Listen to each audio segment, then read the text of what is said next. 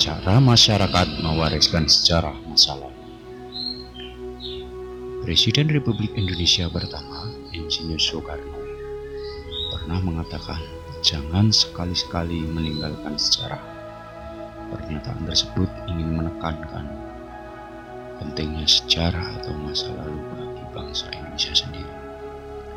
Pentingnya sejarah atau masa lalu tidak hanya mengacu pada kehidupan berbangsa saja, masing-masing orang, kelompok, dan suku bangsa juga tidak boleh meninggalkan masa lalunya, baik masa lalu yang kurang menyenangkan maupun menggembirakan.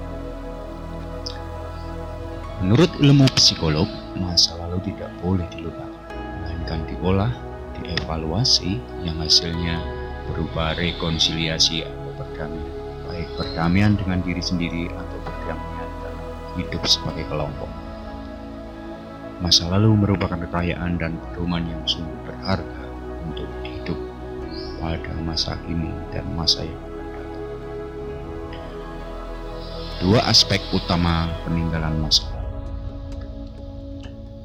Secara khusus, dalam kehidupan bersama sebagai bangsa, ada dua aspek utama dari peninggalan masa lalu yang tidak boleh dilupakan. Pertama, peninggalan masa lalu yang bersifat material misalnya benda-benda kebudayaan. Dan kedua, peninggalan masa lalu yang bersifat non-material, misalnya pandangan atau falsafah hidup, cita-cita, etos, norma, dan lain-lain. Kehidupan aspek ini tidak bisa dipisah-pisahkan. Benda-benda material yang diciptakan merupakan cerminan atau pantulan konkret pandangan, etos, atau cita-cita hidup suatu bangsa dengan kata lain, apa yang dihasilkan merupakan wujud dari apa yang dipilihkan. Setiap bangsa mempunyai caranya sendiri untuk membuat dua aspek kebudayaan ini tidak dilupakan.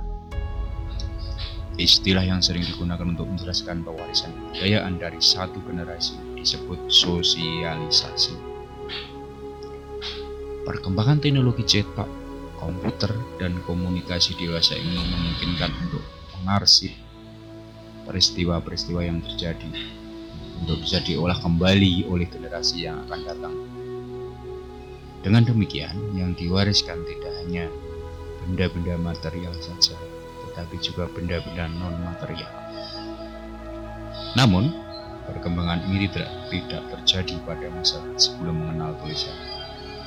Kebudayaan mereka hanya diwariskan secara lisan dan melalui benda-benda ada beberapa cara untuk mewariskan masa lalu pada masyarakat, yaitu melalui keluarga dan melalui masyarakat.